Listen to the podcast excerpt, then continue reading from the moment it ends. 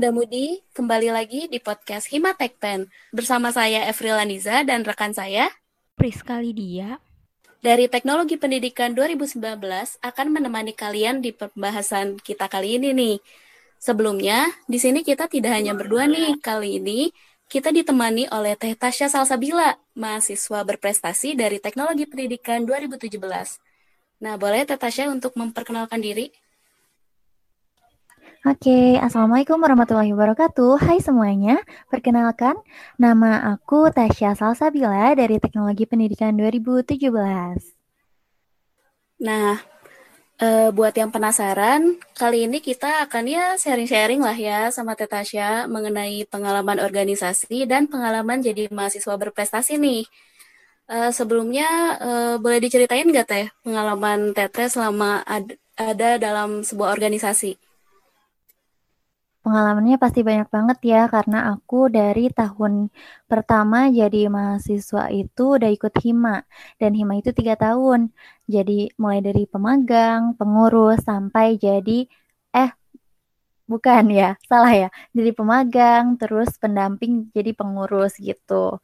Nah, banyak banget nih pengalaman yang aku dapetin dari organisasi. Pengalamannya berharga banget, lebih ke soft skill ya, karena uh, hal tersebut tidak diajarkan kurang gitu, kurang dikembangkan di perkuliahan dan aku dapetin itu semua di organisasi. Terus hari uh, sampai hari ini aku sedang ada di organisasi BEM UPI tingkat universitas. Kalau tadi kan tingkat jurusan ya, HIMA. Nah, tingkat fakultas itu aku sebagai partisipan aja mungkin ya, karena waktu uh, terakhir kemarin di Hima aku jadi Kabit Kominfo. Jadi aku berpartisipasi di program-programnya fakultas, tapi sekarang uh, belum di belum jadi pengurus di fakultas sih kayak uh, pengurus BEM Kemafipnya belum. Tapi aku berpartisipasi kemarin tahun kemarin sempat dan sekarang lagi di BEM Rema UPI jadi dirjen media dan informasi gitu. Dan pengalamannya pasti banyak banget. Ya, tiga tahun sama sekarang empat tahun selama aku jadi mahasiswa di organisasi terus gitu ya. Di luar uh, di luar kampus juga aku ada organisasi gitu. Dan cerita tentang pengalaman pasti banyak banget lah ya. Mau itu suka, duka, dan semuanya. Banyak banget lah. Wah, keren banget berarti ya Tata ini udah dari Hima terus ke BEM terus di luar juga ikut pengalaman organisasi lain. Ya, begitulah. Sebenarnya apa sih yang membuat Teteh tertarik untuk masuk ke dalam dunia organisasi? Melihat bahwa Teteh ini merupakan mahasiswa yang mau ikut ambil bagian dalam banyak kegiatan organisasi. Apa yang bikin aku tertarik di organisasi ya. Karena organisasi itu suatu wadah untuk mengembangkan diri dan lebih ke potensi kita gitu. Mengembangkan soft skills seperti yang tadi aku bilang, yang gak kita dapetin di perkuliahan biasa. Karena um, semua skill kepemimpinan itu terutama ya. Sama bersosialisasi, berkomunikasi itu aku dapetin dari organisasi. Jadi uh, faktor utama kenapa sih aku pengen terus aktif di organisasi? Karena pengalaman uh, pengalamannya itu banyak banget. Dan aku ingin memanfaatkan ini sih memanfaatkan status kemahasiswaan aku. Karena sesudah sudah jadi ma eh, kalau udah nggak jadi mahasiswa kita udah nggak bisa lagi nih jadi anggota hima jadi anggota bem kema nggak bisa jadi anggota bem rema Nah, itu aku pengen memanfaatkan sebaik-baiknya mahasiswa status kemahasiswaan aku gitu. Oh, gitu ya, Teh. Uh, terus kan, Teh, kita kan sebagai mahasiswa itu kan dituntut untuk bisa mengelola waktu nih, Teh, time management. Nah, menurut Teteh gimana sih gimana cara mengimbangi organisasi dan akademik? Kan di sini Teteh juga aktif di organisasi, juga jadi mahasiswa berprestasi. Nah itu tuh menurut Tete gimana cara mengimbangi organisasi dan akademik itu? Cara mengimbangi, mengimbangi, sorry. Cara mengimbanginya, kalau aku lebih ke ngelihat prioritas nih. Kita kan udah tahu dari awal aku mau masuk organisasi ini, berarti aku tahu konsekuensinya aku bakal sibuk di sini. Maka aku menyusun jadwal, menyusun prioritas aku, dan tanpa menduakan si kuliah ini gitu. Jadi dua-duanya itu berjalan beriringan dan aku prioritaskan dua-duanya gitu uh, dibikin jadwal sih lebih ke manajemennya itu karena aku orangnya pelupa ya. Jadi aku lebih banyak menggunakan uh, tools-tools kayak di notes HP, terus aku catat semuanya di uh, di agenda gitu ya, buku agenda. Dan aku juga punya buku planner yang di sana aku ngejadwalin jadwal-jadwal yang harus kayak rapat, terus ini ujian dan segala macamnya. Jadi nggak ada yang terbengkalai salah satunya gitu. Karena itu dua-duanya adalah kebaikan, organisasi itu kebaikan, berprestasi apalagi kebaikan banget. Jadi kedua kebaikan itu tidak boleh dipenturkan. Nah, kita jalan beriringan dengan menyusun skala prioritas gitu. Oke, oke. Jadi penting banget ya teh menyusun skala prioritas untuk dapat mengimbangi antara organisasi dan akademik. Ya, terutama tujuannya dulu. Kalau kita udah punya tujuan, kita tahu nih skala prioritas mana yang harus kita lebih uh, utamakan gitu. Jadi di sini habis nyusun tujuan, kita tahu kan bakal apa aja yang bakal kita lalui. Nah, disusun. Kalau kita mau berprestasi, misalnya kita jadwalnya diisi dengan mengembangkan diri, ikut lomba-lomba dan sebagainya.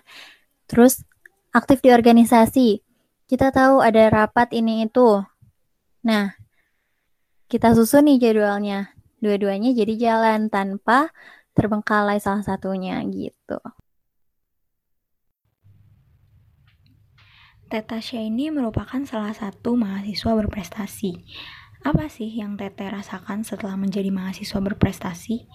Apakah Teteh merasa senang atau justru e, malah merasa terbebani dengan status tersebut? Yang aku rasakan ketika menjadi mahasiswa berprestasi itu senang pastinya, senang banget, bersyukur. Dan kalau masalah terbebani, iya pasti ya. Karena mahasiswa berprestasi itu bukan hanya sekadar gelar, tapi sebuah panggilan hati kalau kata uh, senior Papres. Jadi uh, kita nggak boleh berhenti berprestasi setelah mendapat gelar tersebut, malah harus semakin uh, semakin aktif, semakin berprestasi lagi nih, semakin memacu kita untuk menciptakan iklim-iklim prestatif lainnya gitu, menyebar iklim-iklim prestatif ke prestatif ke yang lainnya. Nah, hal tersebut menjadi beban sendiri ya. Cuman kalau dipikir-pikir, kalau hal tersebut dijadikan beban, itu akan berat ya guys. Jadi eh, dijadikan ringan aja dan bersyukur banget karena eh, semua hal yang terjadi di hidup aku, aku maknai dengan eh, sesuatu yang bisa jadikan aku belajar gitu. Yang uh, waktu kemarin mendapat gelar tersebut jadi bersyukur banget itu adalah suatu ajang untuk aku belajar lebih dan lebih lagi. Uh, nah, uh, Tete kan pasti ada motivasi, ada motivasi nih uh, buat ya uh, termotivasi untuk menjadi mahasiswa berprestasi. Nah itu ada ada yang memotivasi teteh nggak sih kayak siapa saja yang memotivasi teteh uh, agar agar sampai di mahasiswa berprestasi ini sampai sekarang gitu teh? Iya, uh, banyak banget sih motivator aku mulai dari tokoh-tokoh terkenal, terus keluarga, orang tua, apalagi ya untuk bisa membanggakan mereka gitu. Dan terutama motivator terbesar aku sebenarnya di lingkungan sendiri sih. Maka cari lingkungan prestatif itu uh, penting banget. Ketika kita ada di suatu lingkungan dan kita lebih terpacu untuk lebih dari mereka, karena mungkin aku uh, berada di lingkungan yang memang orang-orangnya itu nggak ambis, cuman mereka kayak memang terlihat gitu ya aktif terus bermanfaat gitu di dalam kampus maupun di luar kampus. Jadi aku lebih terpacu untuk bisa, aku bisa kok kayak mereka. Jadi break your limit gitu guys. Nah, di situlah aku merasa termotivasi sekali. Sebenarnya awalnya aku dimulai dari keinginan sih ya, keinginan aku cuman bayangan aja sebenarnya. Ngelihat hmm. ketika ngelihat ada mapres nih ih pengen banget ya keren kayak mereka gitu. Itu kan suatu lingkungan ya. Saya apa yang kita jadikan uh, motivator. Nah di situ tiba-tiba ada jalannya nih. Aku ikut Pilmapres dan alhamdulillahnya juara kedua gitu nah di situlah di dalam prosesnya yang memotivasi aku adalah lingkungan aku untuk hmm. bisa terus berkembang dan hal tersebut ya, motivator eksternal nggak akan mungkin terwujud tanpa motivator internal. Jadi diri sendiri yang paling uh, memotivasi diri gitu ya.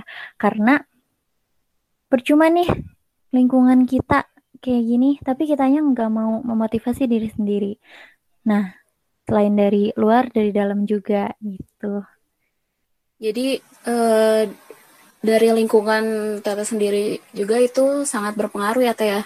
Betul betul. Dan dari motivasi diri juga berpengaruh. Iya berpengaruh banget. Sehubungan dengan mahasiswa berprestasi tadi, bagaimana cara atau mungkin tips dari Tetasya sendiri untuk bisa menjadi mahasiswa yang berprestasi? Oke, Berbicara tentang mahasiswa berprestasi itu adalah hal yang didapatkan dari sebuah proses seleksi. Nah, proses seleksinya itu namanya Pilma Press. Itu diselenggarakan oleh Kementerian Pendidikan dan Budaya. Uh, itu adalah sebuah proses yang memang kan seleksi ya uh, dan hal tersebut itu dinilai banyak penilaiannya dari IPK, karya tulis ilmiah, prestasi, dan bahasa asing gitu. Nah, sebelum masuk ke ajang Pilmapres ini, tentunya teman-teman ada yang bisa dipilih atau didelegasikan. Biasanya kan yang tahun ini itu dipilih langsung sama dosen. Terus nanti masuk ke proses seleksi fakultas. Ada juga yang didelegasikan seperti aku di uh, tingkat jurusan didelegasikan untuk maju ke tingkat uh, fakultas gitu. Dan ada juga yang emang dia mengajukan diri. Dan sebelum mengajukan atau didelegasikan dan dipilih itu tentunya harus punya kesiapan juga karena kesuksesan itu adalah kesiapan ditambah peluang. Nah, peluang inilah si Pilmapres ini adalah peluang dan uh, dan apa tadi aku bilang dan kesiapan dan kesiapan ini adalah dari diri kita. Kalau kita tidak siap, kalau kita belum punya sebelumnya prestasi-prestasi, pastinya mungkin ya tidak akan ditunjuk sama dosen juga. Orang-orang yang berpotensi itulah yang bakal ditunjuk, didelegasikan, dan keinginan diri, motivasi diri untuk bisa ikut ke Pilma Press ini, ya tentunya yang bisa bikin kita jadi mapres tersebut, bisa ikut seleksi dan akhirnya mendapatkan suatu gelar tersebut. Jadi eh, kesiapan ini nih yang harus dipupuk di sejak mahasiswa baru mungkin ya nanti untuk anak-anak 2020 uh, harus punya prestasi dulu sebelumnya, aktif organisasi dan sebagainya. Karena prestasi itu bukan hanya dari kompetisi kayak menang lomba dan sebagainya, tapi juga prestasi itu ada yang diperoleh dari bukan melalui kompetisi seperti jadi moderator di suatu event nasional misalnya. Terus menjadi narasumber di suatu webinar, seminar, atau sebagainya. Dan ada juga capaian karir organisasi. Misalnya jadi ketua bidang, ketua eh, presiden, mungkin ya presiden mahasiswa, menjadi ketua pelaksana di suatu event besar gitu, nasional atau internasional, itu dilihat dari sana. Jadi prestasi itu tidak cuma dari menang-menang lomba nih, tapi juga tadi dan juga kepemimpinan atau kewirausahaan juga bisa guys. Jadi kita bikin suatu program atau startup startup di bidang pendidikan misalnya. Nah, itu merupakan suatu prestasi juga. Nah, di saat kita sudah punya prestasi, kita siap nih untuk eh, untuk maju ke bagian Pilmapres atau nanti ketika kita menjadi orang yang aktif terus sering dispen misalnya tuh ya sering dispen, ikut kegiatan apa-apa-apa, exchange ke mana, itu kan pasti dilihat oleh orang itu, ih dia keren banget ya, um, punya prestasi lah. Nanti dosen itu mungkin merekomendasikan si ini. Terus misalnya ketua hima di, diminta sama dosennya, ini siapa nih di hima yang aktif atau anak 20, anak 19, anak 18 yang bisa maju nih ke Pilmapres. Nah, pastinya ditunjuk dong dia. Nah, itu. Jadi, sukses itu adalah kesiapan ditambah peluang. Ketika sudah ada kesiapan, kita maju memanfaatkan peluang dan akhirnya kita bisa menjadi mahasiswa berprestasi dengan mengikuti yang pertama ya gerbangnya dengan mengikuti Pilmapres. Gitu, guys. Oke, uh, memotivasi sekali ya, apalagi buat yang angkatan-angkatan yang dari 2020, 2019, 2018 gitu. Uh, selanjutnya, uh, kan pasti uh, dari pengalaman Tete tuh pasti ada nih kebiasaan, kebiasaan-kebiasaan yang kebiasaan lama yang harus diubah gitu teh. Dari pengalaman Tete dari awal sampai sekarang tuh uh, menurut Teteh apa apa sih yang harus diubah gitu dari kebiasaan lama itu? Oke okay, oke. Okay. Uh, tadi hal yang harus diubah ya. Iya, Jadi tahun pertama itu sebenarnya aku masih jadi anak yang kupu-kupu loh. Karena kuliah pulang, kuliah pulang. Iya betul. aku itu sebenarnya waktu tahun pertama masih terlalu fokus ke akademik aku. Tapi aku pikir IPK besar itu nggak cuma eh, nggak cukup gitu. Jadi aku pikir aku harus aktif di mana-mana nih, harus memanfaatkan peluang aku sebagai mahasiswa, status aku sebagai mahasiswa.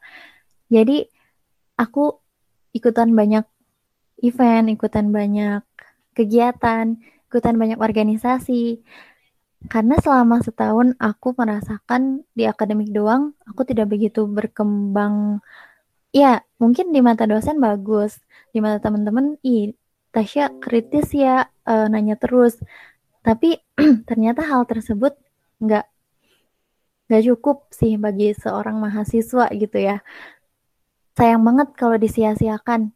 Jadi tahun selanjutnya aku memacu diri aku untuk nggak cuma kupu-kupu tapi aku uh, abis kuliah aku rapat ini. Habis kuliah aku ikut kepanitiaan ini. Harus ke mana ke mana. Keliling banyak fakultas. Terus tahu banyak hal gitu dari organisasi aku dapetin. Dari kegiatan-kegiatan kepanitiaan. Nah yang harus diubah adalah mindset di zona nyaman tersebut.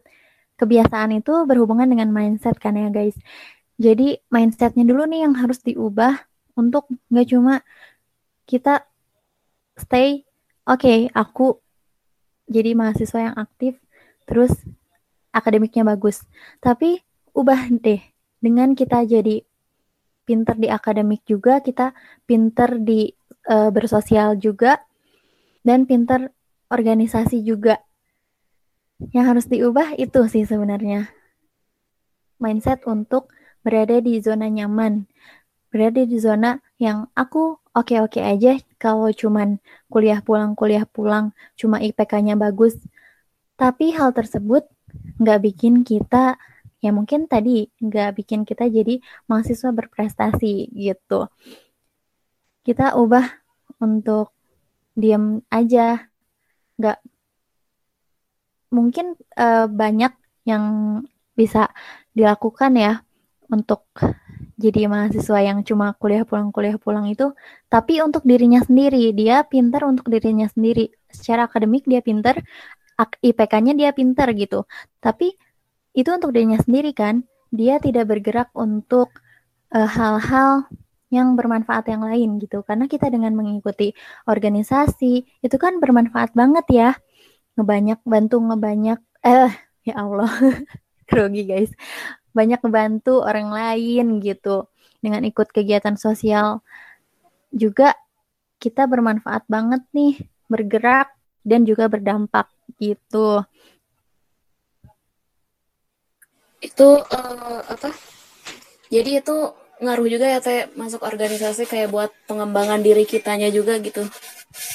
Iya karena organisasi kayak tadi aku bilang suatu wadah untuk mengembangkan diri, potensi juga, skill-skill yang lain yang kita nggak bisa dapat dari cuman kuliah gitu. Kalau mindset eh, yang harus diubah untuk ini konteksnya untuk jadi mahasiswa berprestasi ya, yaitu untuk nggak cuma di akademik tapi kegiatan-kegiatan lain di prestasi-prestasi lain uh, gak cuma organisasi sih sebenarnya. Di perlombaan terus prestasi yang lain. Ikut banyak kegiatan lah pokoknya guys. Wah, banyak sekali ya yang bisa kita pelajari dari Teh Tasya ini. Sebelum closing nih Teh, mungkin Teteh mau menyampaikan pesan untuk adik-adik khususnya di angkatan 2020 bagaimana cara agar mereka menghadapi perkuliahan, cara agar mereka tahan banting dengan masalah-masalah yang akan dihadapi saat perkuliahan nanti, dan khususnya jika mereka ingin masuk dan aktif dalam organisasi. Oke, teman-teman angkatan 2020. Halo, selamat teman-teman udah menjadi bagian dari kami menjadi bagian dari mahasiswa. Mahasiswa itu tandanya bergerak, guys. Berdampak juga. Jadi uh, kalau teman-teman uh, cuman jadiin status mahasiswa ini sebagai seorang pelajar yang kuliah doang, itu sayang banget. Jadi teman-teman masih muda, masih banyak kesempatan menanti di depan.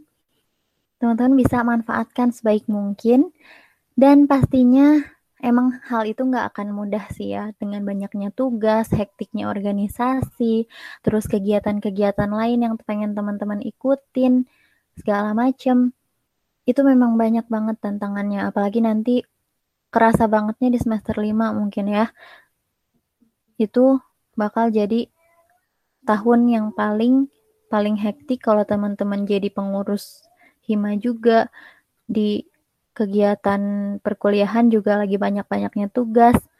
Emang kerasanya hektik banget, tapi daripada diem, teman-teman mending terus uh, bergerak gitu. Dan pesan aku sih, kalau kita ngerasa gagal, jangan menyerah. Kalau gagal itu kan berarti keberhasilan yang tertunda ya. Dan semuanya tahu pasti kita punya jatah gagalnya masing-masing. Ketika kita gagal, coba lagi, coba lagi. Karena ya habisin aja gitu jatah gagalnya. Kita coba lagi, nanti pasti bakal ada sesuatu yang indah di kemudian hari. Untuk teman-teman 2020 semangat terus. Karena kalau bukan teman-teman nih yang sebagai agent of change, terus sebagai penerus kakak-kakaknya, siapa lagi gitu guys. Jadi semangat uh, selain yang tadi aku sampaikan, mungkin itu lebih ke diri aku ya untuk bisa optimis dan bergerak di keorganisasian.